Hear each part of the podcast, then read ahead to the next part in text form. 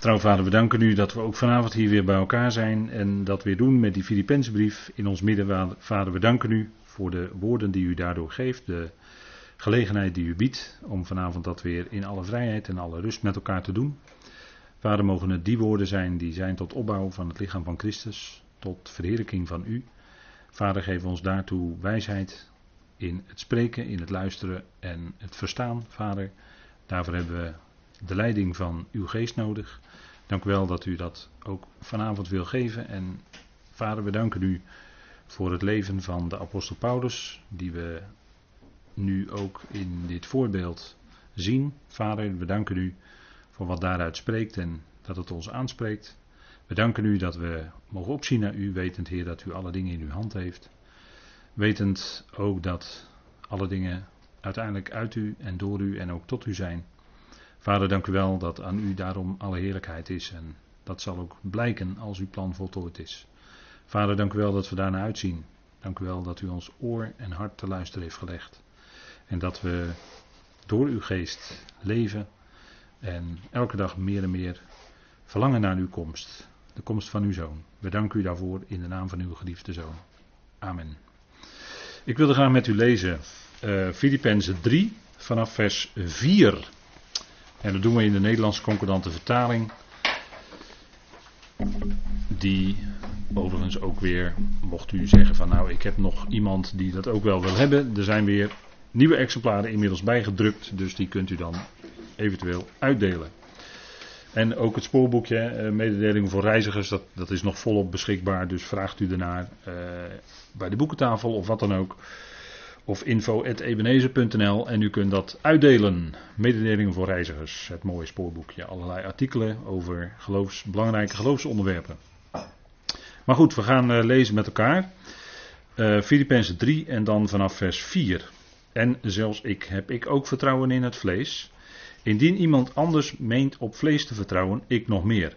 Besnijdenis op de achtste dag. Uit het geslacht Israël, van de stam Benjamin, Hebreeër uit de Hebreeën, naar de wet Fariseer, in ijver de uitgeroepen gemeente vervolgend, naar de gerechtigheid in de wet, onberispelijk wordend. Maar al wat mij winst was, heb ik omwille van Christus verbeurd geacht. Maar voorzeker, ik acht ook alles verbeurd te zijn, omwille van het alles overtreffende van de kennis van Christus Jezus, mijn Heer, door wie ik alles verbeurde en het afval acht te zijn, opdat ik Christus zou winnen en in Hem gevonden word, niet mijn gerechtigheid hebben die uit de wet, maar die door het geloof van Christus. De gerechtigheid uit God op grond van het geloof. Om Hem te kennen en de kracht van Zijn opstanding en de gemeenschap van Zijn lijden, gelijkvormig wordend aan Zijn dood, of ik, hoe ook maar, zou komen tot de uitopstanding uit de doden. En eh, met die wat misschien voor u wat enigmatische zinsnede de uitopstanding uit de doden. Dan vraagt u zich natuurlijk af, wat is dat? Nou, daar zullen we vanavond niet op uitkomen, maar daar komen we dan waarschijnlijk een volgende keer of die keer daarna komen we daar wel op. En dan zullen we dat ook uitdiepen wat dat betekent. Want daar, uh, ja, daar is nogal wat verschil in uitleg over. Hè? Zoals wel meer in de schrift. Hè? Verschil in uitleg. Maar u moet voor uzelf altijd toetsen aan de schrift zelf of het ook zo is wat er gezegd wordt. Datgene wat gezegd wordt, kunt u dat ook terugvinden in de schrift. We gaan niet af op aannames, hoe goed die ook mogen lijken, maar we gaan af op de feiten uit de schrift. Want aannames kun je altijd doen en daarop gaan concluderen. Maar dan moet je heel, heel erg gaan oppassen of jouw conclusie ook nog iets is dat in de schrift zelf weer terug te vinden is. En dat is een heel, heel belangrijk principe. Ga de dingen na of ze ook daadwerkelijk zo geschreven staan. Paulus keerpunt, daarover lezen wij in Filippenzen 3. Het leven van de apostel Paulus. En u ziet hier op dit plaatje uh, een, een voorstelling die geschilderd is zoals de apostel dan Christus ontmoet zou hebben op weg naar Damascus. En dat is een belangrijk punt, denk ik, in zijn leven geweest. Het grote keerpunt zelfs. Licht. Daar was licht. Heel fel licht waar hij drie dagen blind van was. En dat is natuurlijk vol symboliek.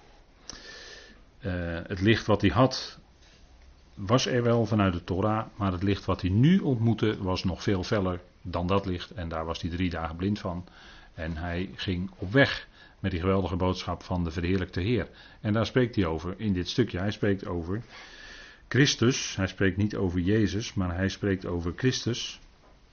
Vers 7 bijvoorbeeld. Heb ik omwille van Christus verbeurd geacht. En Christus Jezus mijn Heer. Vers 8. En dan opdat ik Christus zou winnen. Vers 8. En in Hem gevonden wordt. Niet in Jezus, maar in Christus. Door het geloof van Christus, de gerechtigheid uit God op grond van het geloof. Dus hij spreekt voortdurend hier over Christus, de gezalfde. Christus Jezus, dat wil zeggen, hij spreekt hier vanuit de verheerlijkte Heer. En dat is ook typisch zijn boodschap. Het is niet de boodschap van Jezus op aarde, Jezus voetstappen op aarde. Daar heb ik de vorige keer met ik iets over gezegd. Zouden wij nu volgen in de voetstappen van Jezus? Nee, wij zijn navolgers van Christus, zoals Paulus dat ook deed. En daar gaat het om. Dat is een enorm verschil en dat is ook precies het grote keerpunt in het leven van de apostel. Hij had Jezus nooit uh, ontmoet toen hij nog op aarde was. Hè? Jezus op aarde. Paulus heeft hem nooit zo, Saulus had hem nooit zo ontmoet. De eerste keer dat hij hem ontmoette was de verheerlijkte Heer, nadat hij was opgewekt en verheerlijkt aan de rechterhand van God. Zo ontmoette Paulus hem, Saulus moet ik zeggen, hem voor het eerst in zijn leven. En niet de aardse Jezus. En dat is heel veel betekenend. En dat is bovendien buiten het land. Niet in het land Israël, maar buiten het land. Ook nog heel veel betekenend. Hè? Dat zouden wij goed meenemen, dat soort dingen. Dat zijn uh, geen details, dat zijn hele belangrijke dingen. Die onderstrepen de waarheid die hij verkondigde van de verheerlijkte Heer. Een onthulling die veel hoger en veel verder ging dan wat de Heer Jezus zelf op aarde vertelde. Hoe goed dat ook was, hoe geweldig dat ook was, zeker. En dat is heel leerzaam, daar zitten geestelijke waarheden in die we ook meenemen. Maar de hogere geestelijke waarheden vinden we in de brieven van de apostel Paulus en de Hebreeënbrief, waarvan u inmiddels een wat nadere toelichting hebt gekregen de vorige keer. Paulus roemde alleen in Christus Jezus. En voor wat zijn verleden betreft had hij wel kunnen roemen op zijn vlees. Hè. Dat hebben we de vorige keer bij stilgestaan. Al die punten, zeven punten waren dat, waarop hij zich kon beroemen. want hij zei, ja, naar de gerechtigheid in de wet, onberispelijk worden. Zelfs als fariseer zijnde haalde hij nog, zeg maar, de top. Want binnen het fariseïsme waren er waarschijnlijk geen fariseërs die iets op, Paulus, op Saulus aan te merken konden hebben. Hij voldeed aan alle punten. Hij leefde koosje enzovoort, hè, om maar even wat te noemen. koosje dat heeft te maken met de kashrut. Hè, dat zijn de, de spijswetten die uh, ingesteld zijn door, uh, door, binnen het jodendom. Doet men daar heel erg aan.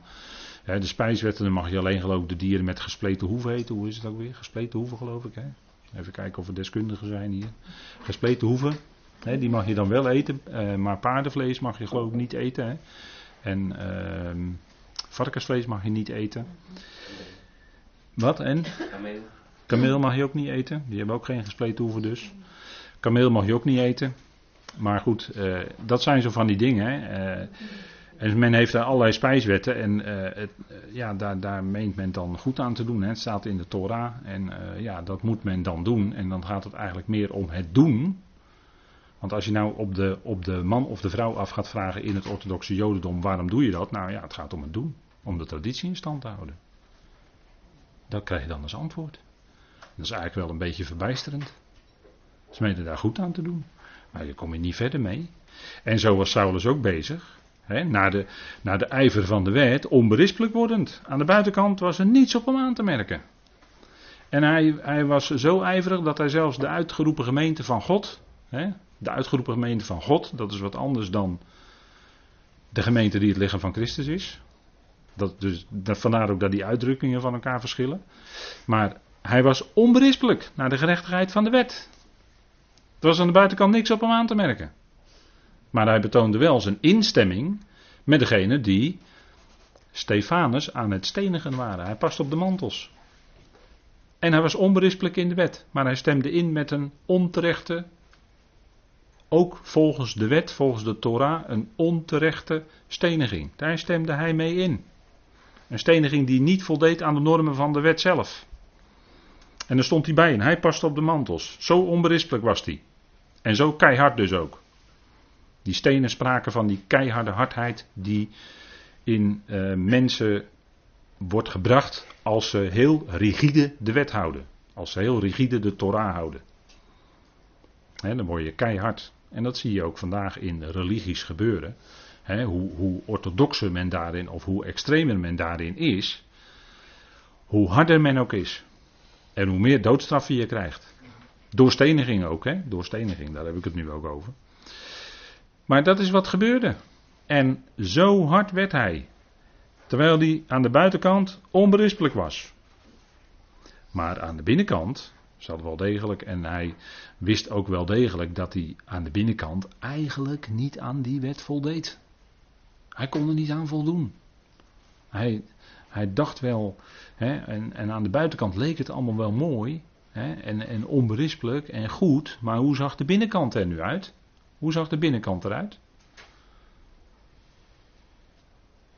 Nou, daar zegt hij zelf wel wat over. En eh, bijvoorbeeld in Titus zegt hij. Eh, in Titus, ja, Titus. Dat is wel een mooie brief eigenlijk, Titus. Die, die kan je bij gelegenheid wel lezen. En dat is heel goed als je dat dus zou doen. Gewoon, gewoon voorlezen wat erin staat. dat, uh, daar kan je als gelovige dan naar richten.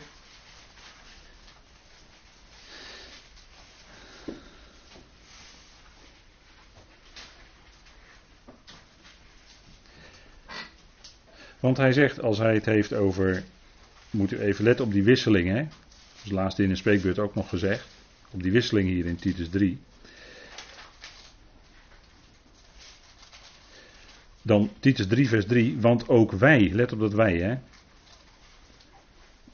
Eigenlijk kun je niet aan de indruk onttrekken dat Paulus het hier heeft over de Joden en zichzelf. Want ook wij, degene die ooit onder de wet geleefd hebben. Want ook wij waren voorheen onverstandig, ongehoorzaam, dwalend, verslaafd aan allerlei begeerten en hartstochten, levend in slechtheid en afgunst, hatelijk en elkaar hatend. Kijk, aan de buitenkant, zei hij, was ik een onberispelijke fariseer. Maar hoe zag het er in werkelijkheid uit, ook bij hem?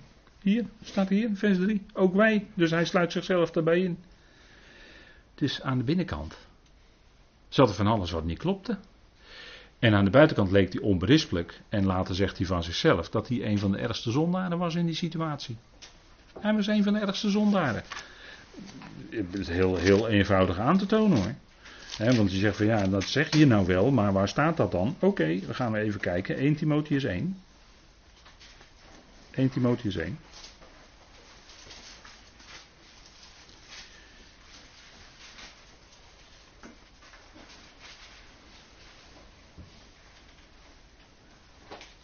En er staat in uh, vers uh, eh, 15. Dit is een betrouwbaar woord en alle aanneming waard dat Christus Jezus in de wereld is gekomen om zondaars te redden. Jawel. Hij kwam niet om ze te veroordelen, hij kwam om ze te redden. En dat doet hij ook. Van wie ik de voornaamste ben. Hey, hij was de ergste. En zo was, dat was dus zijn situatie onder de wet. Waarin hij naar het Jodendom gerekend, waarin hij opgeklommen was tot de top van het Fariseïsme, onberispelijk wordend aan de buitenkant. Maar in feite, hier, hier, nu is het licht in zijn hart gevallen, nu is het licht erop gevallen. En nu zegt hij achteraf, ik was de ergste van alle zondaren. En eigenlijk is dat heel mooi dat hij dat hier zegt. Want Christus Jezus is in de wereld gekomen om zondaren te redden. Nou, als hij de ergste al gered heeft, Saulus van Tarsus, dan redt hij dus ze allemaal. Dat is heel simpel hè. 1 plus 1 is 2. Dat is een rekensommetje die kan je op de basisschool al maken. Als hij de ergste redt, dan redt hij ze dus allemaal. Zo moeilijk is dat toch niet? Of wou u dan zeggen dat Hitler erger was dan Saulus? Ja, nou is het een beetje een uitdagende vraag van mijn kant, dat weet ik wel. Maar als hij zichzelf nu de ergste noemt, hij vervolgde de gemeente van God. Hij stond bij de terechtstelling van Stefanus. Ja? De ergste is gered, maar daarom is mij barmhartigheid bewezen, opdat Jezus Christus in mij, dan zegt hij het nog een keer, de voornaamste, al zijn geduld zou tonen tot een voorbeeld van hen die later in hem zouden geloven tot eonisch leven. Ziet u het? Dus de ergste is gered. Ze, hij noemt dat twee keer, van wie ik de voornaamste ben. Zegt hij dubbel op. En zo is hij, Christus Jezus, is dus de redder van alle mensen. God is de redder van alle mensen. En dat doet hij door middel van zijn zoon, die alles heeft volbracht. En dat, dan hebben we ook genade. Dan is het niet meer jou, maar dan is het zijn werk. En dat is, staat luid en duidelijk bovenaan. Kijk, in het verleden kon hij zeggen, naar de buitenkant toe, naar de gerechtigheid in de wet, onberispelijk wordend. Hij hield zich aan de wet. En daar was nog iemand die dat ook deed. En die vinden wij in Marcus 10. De heer Jezus ontmoette wel eens zo'n zo'n wetgeleerde. En dan, ja, dat, dat gaat dan zo. Hè. Er worden er gelijk vragen gesteld. En dat beantwoordde de Heer dan bijna, zou ik zeggen, op zijn Joods met, vaak met een tegenvraag. Hè, dat, dat vragen stellen. En daar komt die wetgeleerde. Of wat nou, ja, hier geen wetgeleerde. Ik ben even in de war met Lucas 10. Maar goed, Marcus 10.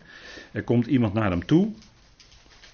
En de Heer die spreekt hem dan aan. Dat is altijd zo mooi, zulke ontmoetingen die de Heer dan heeft. En toen hij naar buiten ging om weg te gaan, vers 17, snelde er iemand naar hem toe, viel voor hem op de knieën en vroeg voor hem, goede meester, wat moet ik doen om het eonische leven te beërven? En Jezus zei tegen hem: Waarom noemt u mij goed?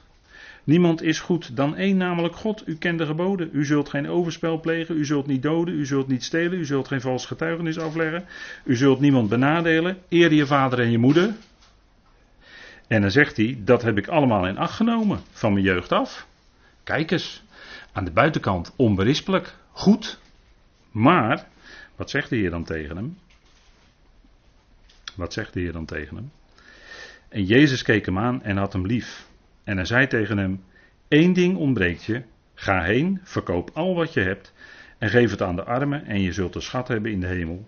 En kom dan, neem je kruis op en volg mij. Maar hij werd treurig over dat woord en ging bedroefd weg, want hij had veel bezit. De Heer prikte hem precies, hij was rijk en daar zat zijn hart bij. Dus de Heer prikte precies dat aan wat zijn probleem was. Hij zat vast aan zijn materiële rijkdommen. En zo gaf de Heer aan: kijk, jij kan misschien aan de buitenkant onberispelijk zijn naar de wet. Maar je hart zit nog vast aan die materiële rijkdom. En daar wees de Heer op. Verkoop al wat je hebt. En dat was het. Dat was zijn punt. Daar zat hij aan vast. En de Heer prikte daar doorheen. Hij werd treurig over dat woord en ging bedroefd weg, want hij had veel bezittingen. En nu is het wel zo dat in de, wat wij dan zeggen, in de niet-Bijbelse geschiedenis, wat niet in de Bijbel staat beschreven, dat deze rijke jonge man later wel degelijk dat gedaan heeft en een enorme evangelist is geworden. En veel daarin heeft mogen doen. Dat is wat anders. Maar goed, dan moet u maar eens nazoeken hoe dat gegaan is met deze rijke jonge man. Daar is wel meer over geschreven. Maar goed, dat is op zich niet zo belangrijk. Voor ons is van belang wat hier in de schrift staat. Wat er van, van die persoon beschreven staat. En op dat punt was het zo. En wat de Heer ook later uh, zegt in uh, Lucas 12. Als het gaat om aardse rijkdommen. Waar je schat is, daar zal ook jouw hart zijn. Dus waar jij je hart op hebt gesteld. Ja, dat is voor jou het belangrijkste. En als dat niet God zelf is, ja, dan is het iets anders wat daarvoor in de plaats is gekomen.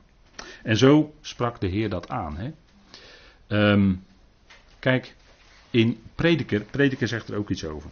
Kijk, mensen kunnen aan de buitenkant, ja, dat is, dat is altijd de buitenkant. Hè?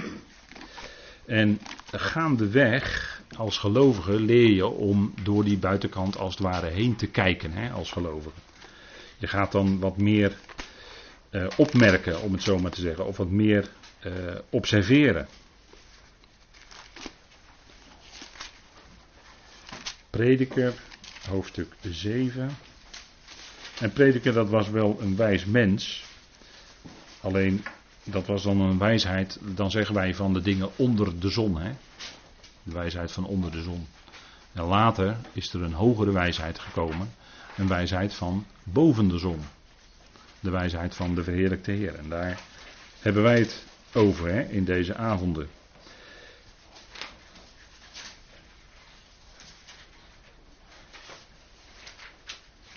Daar zegt de prediker in hoofdstuk 7, vers 20. En dat zijn ook woorden die uh, de apostel Paulus dan later met misschien iets andere bewoordingen aanhaalt in uh, Romeinen 3, als hij het heeft over de mens. Voorzeker, er is geen mens rechtvaardig op de aarde die goed doet en niet zondigt. Dus een mens kan heel rechtvaardig zijn, heel veel goede dingen doen, maar toch ontkom je er niet aan dat je ook als mens een doelmisser bent. Dat zegt de prediker hier. Je kan heel rechtvaardig zijn, het kan heel mooi lijken en onberispelijk lijken aan de buitenkant, maar je bent toch een stervend mens en dus een zondaar, een doelmisser. En er ontkomt niemand aan. En dat, uh, dat vinden mensen dan, als bijvoorbeeld Romeinen 3 gelezen wordt, dat vinden mensen niet prettig. Maar daar zet de apostel Paulus natuurlijk wel op een rij. Er is niemand die goed doet, zelfs niet tot één toe. Iedereen is een zondaar, hè. Allen zijn afgeweken. Samen zijn zij onnut geworden. Enzovoort. Hè. Dat zegt de apostel Paulus daar echt over alle mensen, over heel die Adam-mensheid. Heel die Adam-mensheid. Die is het die niet aan dit ontkomt, hè, een doelmisser te zijn. Je bent stervend en daarom doelmisser. Dus ook al lijkt het aan de buitenkant mooi en prachtig, het kan je in de weg staan om tot de Heer te komen. En dat is wat de apostel ook hier vaststelt in Filippenzen. Dan gaan we even terug naar Filippenzen. Al wat mij winst was, zegt hij, al wat mij winst was. En dat woord winst staat hier in het meervoud. Dus hij kon daar een optelsom van maken, dat deed hij ook. Hè? Hij noemde dan zeven punten. Besnijdenis op de achtste dag. Uit het geslacht Israël. Van de stam Benjamin. Hebreeër uit de Hebreeën. Naar de wet Fariseer. In ijver de uitgeroepen gemeente vervolgend. Naar de rechtvaardigheid in de wet onberispelijk wordend. Het is een opklimmende reeks. Hè? Aan het eind, hè, het uiterste, had de top bereikt. Hij was rechtvaardig in de wet, onberispelijk. En dat was voor hem allemaal winst. Hè? Al wat mij winst was. Dat kon hij optellen. En daarin bereikte hij de hoogste top. Terwijl de Heer Jezus, hè, de rechtvaardigheid in de wet, dat, dat is ook wat later, wat hij later noemt, dat hebben we ook gelezen met elkaar in vers 8 noemt hij dat ook, de rechtvaardigheid die uit de wet. Die rechtvaardigheid is wat een mens zou kunnen bereiken. En daar heb je ook mensen in de, moet ik het zeggen, in het christendom, die ook goed, goed geboren, in een goed kerkgenootschap, keurig netjes uh, altijd naar buiten toe geleefd, enzovoort. Hè. Er zijn mensen die ook zo'n optelsom kunnen maken. Maar u hoort hem al komen, die komma en dat maar, wat ik nu ga zeggen. Komma, maar. Maar. Dan ben je misschien naar buiten toe onberispelijk. En heb je je hele leven prachtig geleefd. En elke zondag twee of drie keer naar de kerk gegaan. En je altijd aan, netjes aan, aan alles gehouden. Enzovoort. Maar dat is het hem allemaal niet. Hè. En juist dat, juist dat, die optelsom, kan jou in de weg staan om werkelijk tot Christus te komen. Ja, zo, zo is het wel, hè. Zo is het wel. En dat was bij, de, eh, bij Saulus natuurlijk ook zo. Hij vervolgde de mensen die van die weg waren. Welke weg nou? De weg van Jezus. Jezus is de weg, de waarheid en het leven. Die weg. Hij vervolgde ze. Terwijl hij op kon tellen, naar de wet ben ik helemaal geweldig. Moet je mij kijken. En de Heer Jezus zei al iets tegen zijn eigen volksgenoot. Hè? Matthäus 5 vers 20. Laten we het even op elkaar even opzoeken. Dat is de bergrede. Hè? Dat is zeg maar eh, zo'n beetje de grondregels van het aardse koninkrijk. En daar willen heel veel christenen graag bij leven. Die roepen dat ook. Ja, nee, de bergrede, dit en dat, dat is het dan helemaal. Oh ja? Gaan we eens kijken wat erin staat. Dan uh, schrik je ervan terug hoor. We gaan nu even beperken tot hoofdstuk 5, vers 20.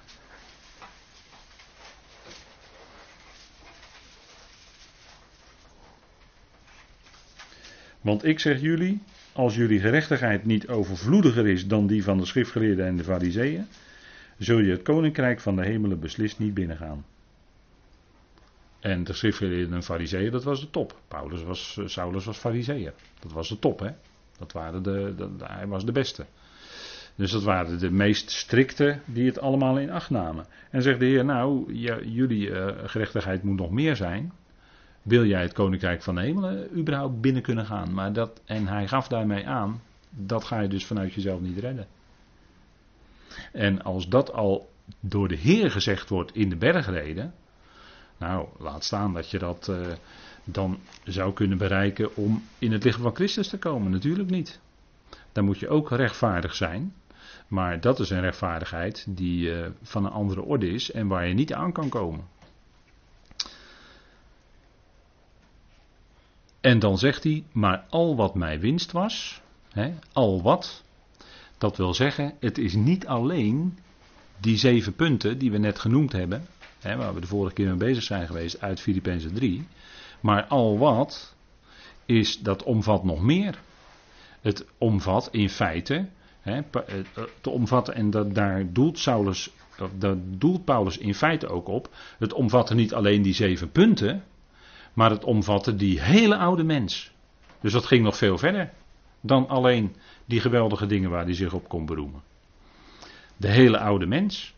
en hier ziet u, dat is het, het punt, en daar spreekt hij natuurlijk voortdurend over. Heeft hij in Filippenzen 2 natuurlijk ook heel nadrukkelijk over gesproken.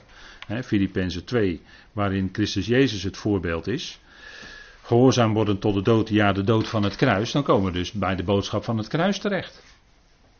En dat maakt een einde aan de oude mens. Die hele oude mens. Dus niet alleen zulke dingen van waar waar, wat jouw prestaties zijn, nee, de hele oude mens. En kijk, de, de stonden, dat kunnen we eigenlijk wel, dat kun je uit de schrift halen. Er stonden geen drie, maar er stonden vijf kruisen op Golgotha.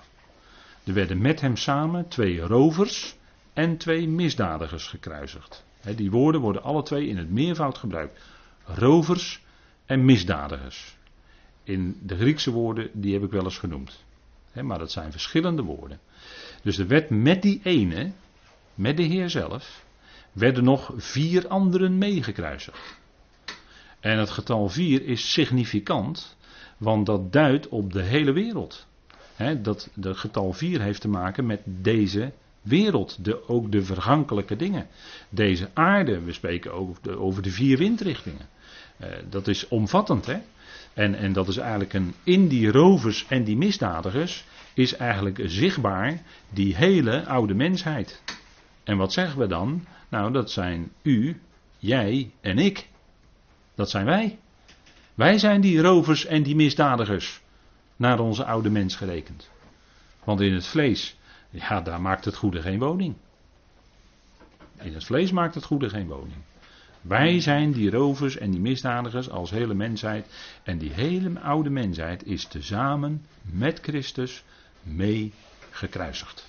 De boodschap van het kruis. En daar komen we toch onherroepelijk weer bij terug hoor. Bij herhaling, want dat, komt, dat is zo omdat bij Paulus dat steeds terugkomt. U kunt dat natuurlijk lezen in Romeinen 6 daar, daar wordt dat ook door Paulus met zoveel woorden gezegd. Want als je dat wil teruglezen, nou dat kun je dan lezen in Romeinen 6, vers 6. Eigenlijk wel aardig dat het in zo'n vers staat. Wel aardig zo'n getal, maar het zegt verder niks hoor. Dit weten wij toch, dat onze oude mens mede gekruisigd is. Opdat het lichaam van de zonde teniet gedaan zou worden en wij niet meer als slaaf de zonde zouden dienen. En dat is wat Saulus ook deed onder de wet. Onder de wet was hij ook een slaaf van de zonde. Net zo goed als degene die zonder de wet zijn grootgebracht. Zonder de wet van Mozes bedoel ik dan. Die zijn de slaaf van de zonde, maar degene die onder de wet zijn, zijn net zo goed slaaf van de zonde. Dat maak je niet. Misschien aan de buitenkant leef je dan wat netter. Ja, misschien. Maar het maakt in principe geen enkel verschil. Maakt geen enkel verschil. Die hele oude mensheid is met Christus mede gekruisigd. Of ze nu wel of niet onder de wet geleefd hebben, het maakt geen enkel verschil, want het is allemaal oude mensheid. Ja, en die moest opgeruimd worden. En dan zeg ik ja, toch opgeruimd dat netjes. Die oude mensheid is dan definitief, is daarmee afgerekend op Golgotha. In feite al. Hè. En wij, wat doen wij? Wij zouden daarmee rekenen. Wij zouden daarmee rekenen dat het ook zo is in de praktijk van ons leven. Daar gaat het hier om. Hè. Want het is opdat wij in nieuwheid van leven zouden wandelen. Romeinen 6 vers 4. Romeinen 6 vers 4. Kijk, in dit stukje van Romeinen gaat het om die werkelijke doop. Hè? Geen doop in water, maar dat was alleen maar een, een, een, eh, een, een afbeelding, een uitbeelding daarvan. We zijn dan met hem begraven door de doop in de dood. Welke doop is dat? Nou, die doop met Christus op Golgotha. Die doop is dat. We zijn dan met hem begraven door de doop in de dood opdat evenals Christus uit de dood is opgewekt tot heerlijkheid van de Vader, zo ook wij in een nieuw leven zouden wandelen. Dat is dus in de praktijk.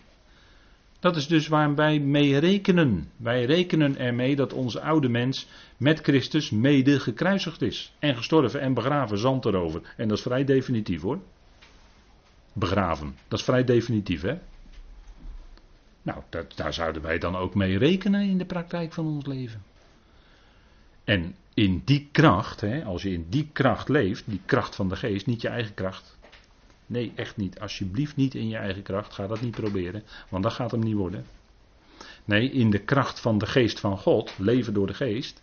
Dat betekent dat je in de kracht van de geest kan rekenen zoals God rekent. Dus niet langer die oude mensheid accepteren en tolereren en, en, uh, en, en nog steeds slaaf van de zonde zijn. Nee, dan kun je nee zeggen tegen de zonde in je leven. En dat doe je in de kracht van de geest. Nee zeggen, gewoon eraan voorbij gaan. Het negeren. Niet er tegen gaan strijden, niet strijden tegen de zonde. Dat gaat hem ook niet worden. Dat gaat niet helpen. Nee, het volstrekt, maar dan ook volstrekt negeren. Dat is het. En dan kun je er in de kracht van de geest. Gebed. Dat is niet van de een op de andere dag. Maar dat is een groei. En als je daarin groeit, dan leer je om nee te zeggen tegen de zonde. En dan ga, je, dan ga je ook ontdekken dat het jou helemaal geen moeite kost. Nee, dat komt omdat die geest in jou werkt. Dat is de kracht van de geest. Dan kun je nee zeggen. En je interesses liggen toch ook anders. Je interesses liggen hier niet meer op aarde, maar die liggen boven bij Christus. We zouden bedenken de dingen die boven zijn, waar Christus is gezeten aan de rechterhand van God. Niet op wat op de aarde is, zegt Paulus er dan nog even bij, voor alle duidelijkheid, hè, Colossense 3. Niet op wat op de aarde is dus. Nou, en dan kun je leven op hem gericht in nieuwheid van leven. De werking van het kruis. Dus die hele oude mensheid, die is mede gekruisigd. En u ziet aan deze, aan deze foto, die ook in Frankrijk gemaakt is. In Frankrijk zijn er meer plaatsen, maar ook in eh, andere landen. Eh, doet het verschijnsel zich voor dat men zulke uh, kruisen heeft neergezet Vijf, dus die waarheid van de vijf kruisen is wel degelijk bij meer mensen bekend geweest. Hier heeft u het bewijs, die foto. Die vier, dus met die ene. Hè.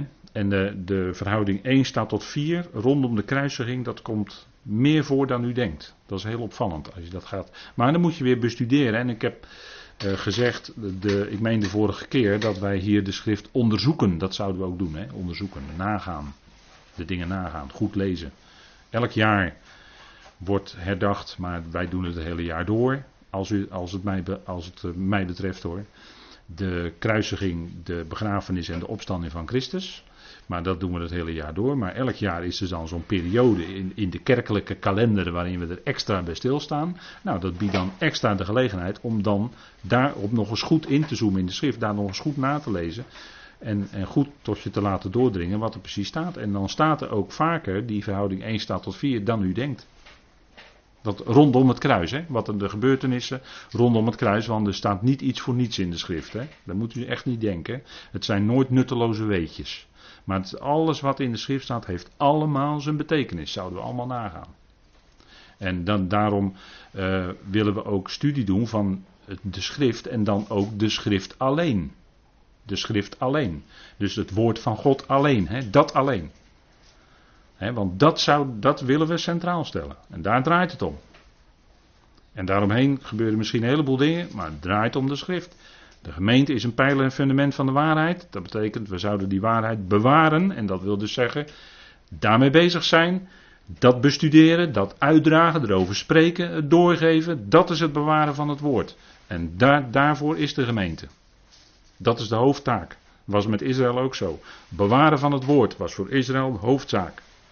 Die Torahrollen werden in de tempel en in de tabernakel bewaard. En de priester zou een lerende priester zijn. Niet alleen de rituelen, dan zou het maar eh, leeg zijn hoor. Nee, hij zou een lerende priester zijn, die zou de Torah onderwijzen aan het volk. Dus dat is wat we zouden doen. We zouden dat woord bewaren en bewaken en dan ook daadwerkelijk doorgeven. Dat is het woord centraal stellen. En dat is wat we, dat is wat we willen doen. En dat is ook eer geven aan wie de eer toekomt, aan God en zijn woord. Dat God is die spreekt door zijn woord. dat, dat, dat de mensen nu in deze 2000 jaar zeggen, ja, God zwijgt. Dat is eigenlijk heel bijzonder, want normaal gesproken is het de God, de God van Israël, is de God die spreekt. En dat heeft hij laten neerleggen in zijn woord. Dus daar, en dat er, nu, dat er nu geen directe openbaringen van God zijn in de afgelopen 2000 jaar, ondanks alle profeten die roepen van zo spreekt de Heer enzovoort, nou dan kun je gewoon aan de kant schuiven, want dat is niet het woord van de Heer, dat is het woord van die persoon. Het gaat om wat in de schrift geschreven staat. Daardoor spreekt God tot ons hart. En wat zijn we daarmee blij geworden? Wat zijn we daar blij mee geworden? Met datgene wat God zegt. Dat is genoeg. Gods woord is gecompleteerd. Colossense 1 staat het gewoon. Paulus zegt Gods woord is compleet gemaakt. Dus het is compleet. Er kan niks meer aan toegevoegd worden. En zo spreekt God namelijk in deze tijd door zijn woord. En daarom zeggen we hier ook de schrift alleen. Geen tradities erbij als aanvulling. Nee, dat wat de schrift zelf zegt. Daar gaat het om. En dat willen we uitdiepen. En dat willen we spellen. Elk woord. Dat is de eergever die werkelijk aan God dan toekomt. Hè? De hele oude mens, mede gekruisigd op Golgotha. Dat is een hele radicale boodschap inderdaad. Ja, het kruis is een radicale boodschap. Daar hebben mensen het moeilijk mee. En daarom haken mensen ook vaak af bij Paulus. Ja, die moeilijke Paulus, die lastige Paulus, die vervelende Paulus. Enzovoort, enzovoort. Dat is allemaal, is allemaal buitenkantenwerk wat ze dan roepen. Waar de werkelijkheid om gaat is, Paulus spreekt van het kruis. En dat het kruis een einde maakt aan de oude mens. Dat is het punt. Want dan ben jij niet meer in het middelpunt van de belangstelling. Maar hij met een hoofdletter is weer in het middelpunt van de belangstelling. En daar haken mensen op af. want als een eigen grote ik dan in de weg zit, ja, zit dan in de weg en dan haken ze af, dan lopen ze weg. En dan willen ze niet verder mee. Ja, dat heeft te maken met, uh, ja, ook gelovigen kunnen soms een akelig groot ik hebben. Maar Paulus zegt, al wat mij winst was, hè, winst dat is uh, meervoud, hè, en wat wilde Paulus dan wel winnen? want hij zegt dat dat oude, dat acht hij als verbeurd. Nou, dat woord verbeurd komen we nog op terug. Maar wat wilde Paulus dan wel winnen? Want hij zag in dat zijn verleden, in het judaïsme, ja, dat, dat, uh, daar, daar beroemde hij zich vroeger op, maar in het licht van Christus was hij erachter gekomen dat dat geen enkel pluspunt meer kon zijn. Maar wat wilde hij dan wel winnen? Wil hij net zoals hier deze foto op de atletiekbaan, wil hij daar winnen? Nou, in 1 Korinthe 9 kun je kijken wat waar Paulus dan mee bezig is. Wat, wat wilde hij dan, waar wilde hij dan mee bezig zijn? Waar was hij mee bezig? En wat, wat, wat wilde hij dan winnen? want het gaat hier om winst en verlies. Winst en verliesrekening.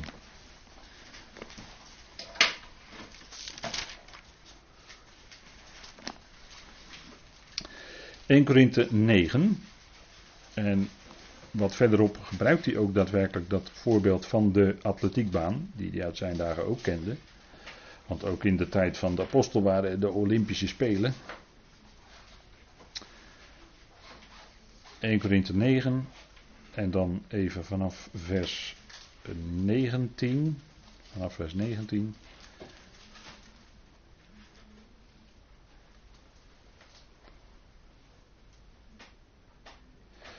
Want, en dan, dan is het belangrijk hoor wat hij hier zegt. Want hoewel ik vrij ben van allen, heb ik mijzelf toch voor allen tot slaaf gemaakt, om meer, en dan staat hier schuin gedrukt in mijn vertaling mensen, maar dat staat niet echt in de grondtekst, om meer te winnen. Maar uit de tekstverband blijkt dat het om mensen gaat. Hij wilde mensen winnen, als het ware, voor het met het evangelie. En dan zegt hij, ik ben voor de Joden geworden als een Jood. Om Joden te winnen. En hij was natuurlijk van geboortig, was hij eigenlijk ook een Jood. En bij gelegenheid zegt hij dat ook, hè, bij, op, bij belangrijke gebeurtenissen, als hij zich moet verdedigen enzovoort, dan zegt hij ook dat hij een Jood is. Dat hij een Joodse man is, geboren in Tarsus enzovoort. Maar daar was hij helemaal natuurlijk vrij van gekomen. Hè. Dat was natuurlijk ook afgesneden. Voor de Joden geworden als een Jood om de Joden te winnen. Voor hen die onder de wet zijn, als onder de wet. Om hen die onder de wet zijn te winnen. Met andere woorden, de apostel Paulus was zelf niet langer onder de wet en hij bedoelt hier de Mosaïsche wet. Maar bij gelegenheid nam hij wel deel aan uh, ceremonieën en riten van de wet, maar dat was alleen maar om sommigen van zijn volk te winnen. Niet dat hij zelf nog steeds bezig was om aan alle voorschriften van de Torah te voldoen. Dat wordt hem soms wel door sommigen in de sandalen geschoven. Maar dat was niet zo. Dat was niet zo. En zo moet u ook handelingen lezen. Hè? Als hij dan in Jeruzalem komt en hij neemt de gelofte op zich, dat was naar de wet. Dan leggen mensen dat uit. Kijk, zie je wel, Saulus, hij was toen nog na zijn bekering nog steeds bezig en hij hield zich helemaal aan de Torah strikt. En hij wilde op tijd zijn daar en daar, want dan wilde hij uh, op tijd zijn voor het feest, dit en dat. Want hij, hij, ja, maar hier legt hij uit, in zijn brieven, dat is het verschil, in zijn brieven legt hij uit hoe het zit. Waar hij werkelijk mee bezig was. Hij stelde zich op als was hij onder de wet, maar dan zegt hij, ik ben zelf niet onder de wet. voor hen die onder de wet zijn, ben ik geworden als onder de wet. Dat is wat hij zegt. En daar deed hij om sommigen van zijn volk te winnen. En dan zegt hij om hen die onder de wet zijn te winnen. Voor hen die onder de wet zijn, ben ik als of voor hen, sorry, in vers 21 eh, zegt hij, voor hen die zonder de wet zijn, dus zonder die Mosaïsche wet, voor de heidenen dus, ben ik geworden als zonder de wet. Hoewel niet zonder de wet van God. Want ik sta onder de wet van Christus. En dat is wat anders. Om hen te winnen die zonder de wet zijn. Dus u ziet, hij is voor allen alles geworden dus hij kwam toe naar die mensen in die bepaalde situatie. Hij kwam naar ze toe. Hij nam zelfs deel bij de Joden aan riten en ceremonieën. Terwijl hij best heel goed wist dat dat al langer niet meer van toepassing was. Dat dat de schaduwbeelden was, waren en dat het vervuld was al in Christus. Dat wist hij natuurlijk heel goed en dat onderwijst hij ons ook. Maar dat deed hij om sommigen te winnen. Kijk, dat is het geheim Waarom die zo doet zoals die in handelingen doet, zoals dat daar beschreven staat. Dat is het geheim. En dat legt hij hier uit. En zo moet je naar die dingen kijken. Je moet hem niet dingen in de sandalen schrijven die niet waar zijn. Dan moet je de hele schrift meenemen. Hier legt hij het uit wat hij, hoe hij bezig was, op welke manier hij dat gedaan heeft. Dus hij wilde mensen winnen. En dan maakt het niet uit in welke situatie we waren. Hij kwam naar ze toe met die geweldige boodschap, met het evangelie wat hij mocht verkondigen, het evangelie van de genade, en gaf dat door. Ja? Dus zo was hij bezig. Niet langer met een vleeselijke ijver, maar nu was het een geestelijke ijver. Dat is heel wat anders. Want dan is het niet meer jouw eigen werk, maar dan sta je in dienst van de Heer. En dat is het, natuurlijk het punt van Filippenzen. We staan in de dienst van de Heer, dat is de hele Filippense brief. ons leven is een leven van dienst aan Hem, maar niet in eigen kracht, maar in Zijn kracht, met een hoofdletter. Dat is het, dat is het, uh, dat is het geheim. Plus en min. Daar gaat het over in dit stukje. Verbeurd geacht. Wat is nou dat woord verbeuren? Want dat is misschien een beetje wat oud-Nederlands woord. Hè? Maar, en het ligt ook een beetje, het, het, klinkt ook een beetje juridisch, een beetje in de handelsfeer zou je kunnen zeggen. Maar als iets verbeurd verklaard wordt in de praktijk van het dagelijks leven, dan wordt iets afgenomen of dan wordt je iets ontnomen. En het kan zelfs bij een bedrijf leiden tot een faillissement. Hè. Dan wordt je alles afgenomen, wordt alles verbeurd verklaard. Faillissement. Dan komt het onder de curator en dan mag jij er niet meer aankomen. Dan is het helemaal. En dan gaat de curator wel, die failliete boedel, gaat hij wel te gelden maken en verdelen. En meestal is de Belastingdienst natuurlijk die als eerste bovenaan in het rijtje staat, die komt dan eerst. Hè. En dan daarna krijg je de sociale instanties en daarna komen de andere schuldeisers. Hè. Zo gaat het in de praktijk met het faillissement. Hè, zo doet een curator dat. Maar dat is verbeurd verklaren.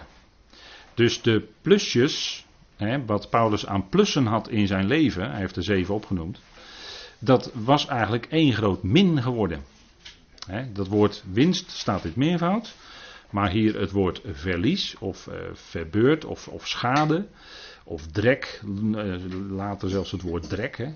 Maar schade, dat staat er in het enkelvoud. En dat is dan het geheel van zijn leven, van zijn oude leven moet ik dan zeggen. Maar dat is allemaal aan de kant. Verbeurd, verspeeld, je bent het verspeeld, verloren, kwijt. En zelfs heeft het ook nog een andere kant hier, niet alleen kwijtraken, maar dan ook nog beboet worden en daardoor kwijtraken. En dat, heeft dubbele kant, dat woord eigenlijk. En dat is wat in zijn leven gebeurde. Maar let op wat hij zegt.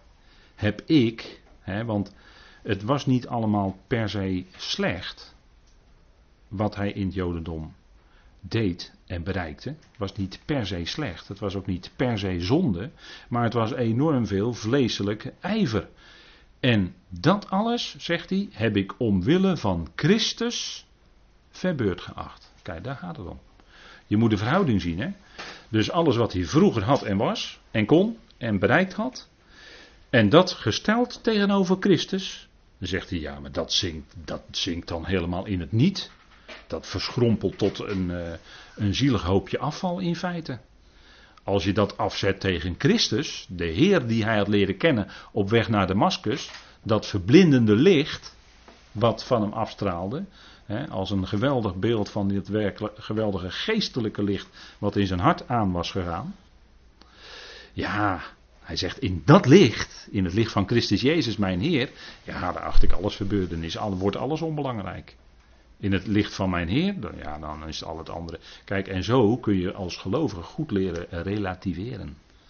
Want wij vinden in ons leven ook als gelovigen, worden, ja, dat is wel heel belangrijk en dat is ook belangrijk dat moet ook en dat is ook. En dat kan een hele grote berg worden, allemaal belangrijke dingen. Maar als je het nou afzet tegen de Heer zelf, is het dan nog belangrijk? Nou, je toch je schouders erover op. Is dat dan zo belangrijk? Of je, en vul maar in, hè. ik ga het niet invullen voor u. Of je nu dit of dat. Is dat nou belangrijk in het, in het licht van Christus? Wel nee. De apostel Paulus zegt toch ook, en, en, en, en Saulus was waarschijnlijk toch wel van gegoede kom af hoor. Hij kwam waarschijnlijk uit een rijk gezin, een rijke familie in Tarsus. Dat was een universiteitsstad waar hij opgroeide. En was Romeins staatsburger. Dat was een, dat was een behoorlijke grote status hoor in die tijd. Romeins staatsburger te zijn. En daar beriep hij zich bij gelegenheid zelfs ook op. En waarschijnlijk, hè, men, men, uitleggers die denken ook dat hij waarschijnlijk best wel uit een gegoede, rijke familie kwam. Maar dat alles was voor hem onbelangrijk geworden. En, en uh, gezien zijn komaf uit een, uit een uh, Israëlitisch of een Joods gezin. Uh, toen hij de Heer had leren kennen. Saulus, is hij nou ook zelf achter die Jezus aangegaan? Is hij waarschijnlijk misschien zelfs wel verstoten geworden uit die familie? En is hij misschien wel onterfd? Ik wil er niet te veel in leggen. Maar sommige uitleggers die gaan zelfs zover. En dan had hij misschien materieel ook niet veel meer, maar hij zegt in, de, in dezelfde Filipijnse brief: uh, of ik nou gebrek leid, of dat ik het goed heb, of uh, uh, enigszins overvloed heb. In alle omstandigheden, het was hem goed, want hij zag dat allemaal in het licht van zijn Heer, van Christus, die hem had gered. En die hem geroepen had op weg naar Damascus. In dat licht. En als je het in dat licht ziet, ja, dan, ja, en ik, ik, herinner me ook een lied nu, wat, eh, wat je dan vroeger zingt en eh, wat we dan vroeger wel zongen, jaren geleden. dat uh, alles eigenlijk, dat ging dan in de Engelse kende tekst niet meer zo, maar dat alles eigenlijk zo heel klein verschrompelt in het licht van Christus, hè, in het licht van Jezus Christus. En zo is het ook. Als je het afzet tegen Hem, die verheerlijkte Heer, die aan Gods rechterhand is, in, uh, en aan hem is gegeven in principe alle macht en in hemel en op aarde. Hè. Al zien we dat nu nog niet, dat hem alle dingen onderworpen zijn of ondergeschikt zijn. Maar wij erkennen dat nu wel hoor, Jezus als Heer. Hij is verheerlijkt aan de rechterhand van de Vader. En in die positie heeft hij de hoogste positie van al het geschapene. Daar staat hij boven. En hij is de Heer van het heelal. Dat zingen wij ook wel eens hè. Niet meer zo vaak geloof ik op zondag, maar uh, we zingen het wel. Hij is de Heer van het heelal. Voor wiens. Hè, voor wiens. Uh, hè, voor de, ja, dank u, dank Voor wie eens elk schepsel buigen zal. Zo is het ook. Alle tong zal beleiden dat hij Curios is. Die hele schepping, al die schepselen zullen hun knieën voor hem buigen. Die Heer, daar hebben we dan over. Hè? Daar heeft Paulus het hier over. Die Heer. De Zoon van God, Jezus Christus, onze Heer. Ja, dan hebben we het wel over iemand. De hoogste, hè? de Curios. Dat was aanstotelijk in die tijd, want alleen de keizer, in, de keizer in Rome die mocht Curios genoemd worden. En dan kwamen de christenen die zeiden, of de gelovigen zeiden, Jezus Christus is Curios. Dat was aanstotelijk. Ja, maar zo was het wel. Want uh, Christus stond wel degelijk boven die keizer. En hij stelt aan en hij stelt af zelfs.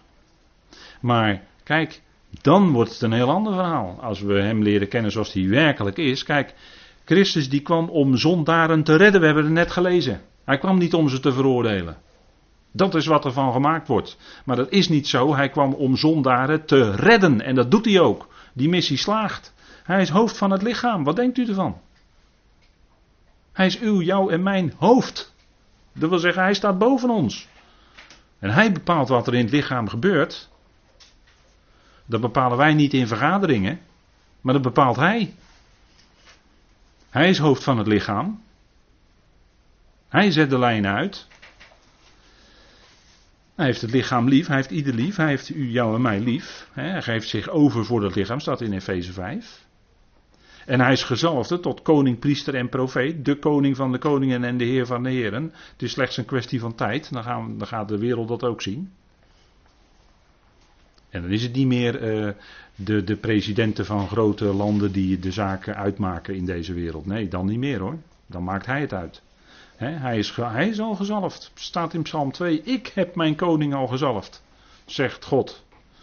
En dat is de Heer, dat is die zoon die daar genoemd wordt in Psalm 2. Dat is Christus Jezus natuurlijk. Tot koning, priester, profeet.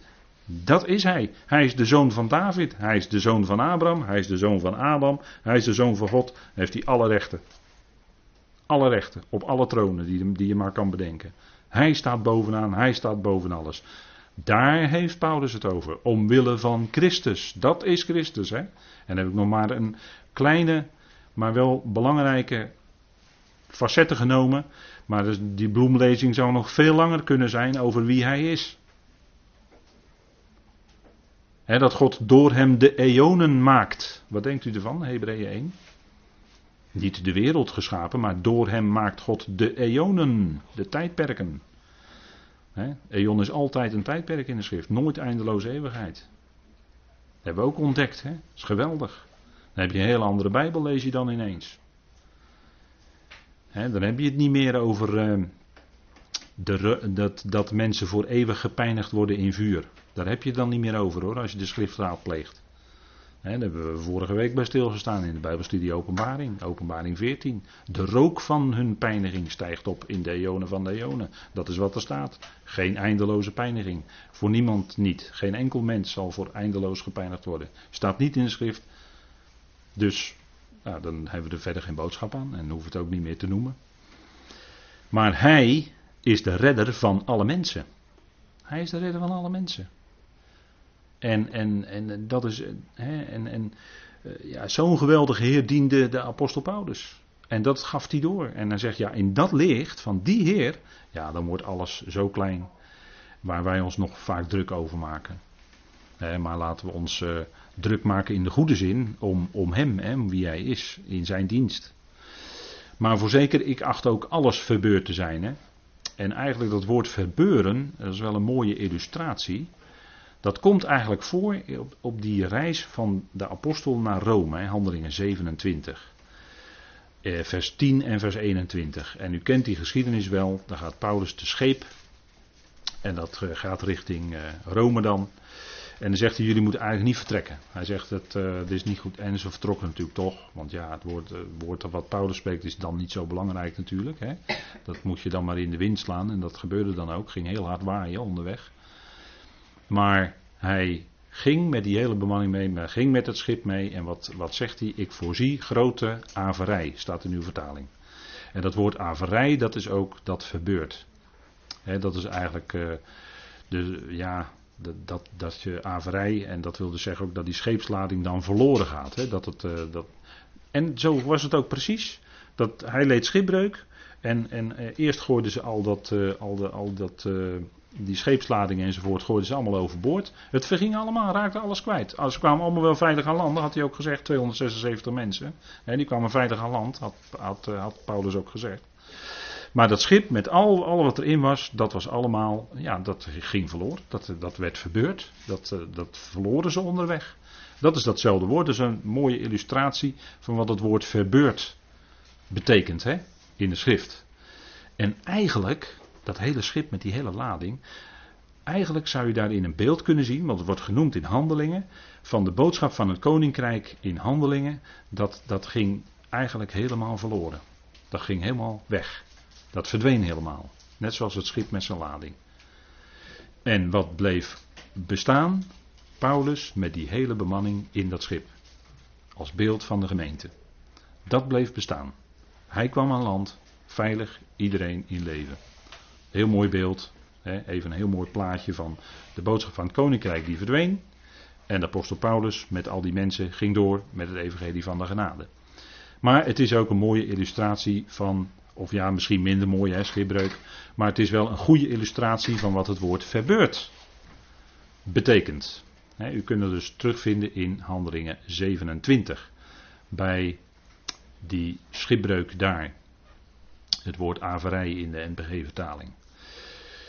Goed, en denk goed dat we even met elkaar gaan pauzeren en dan gaan we straks weer verder.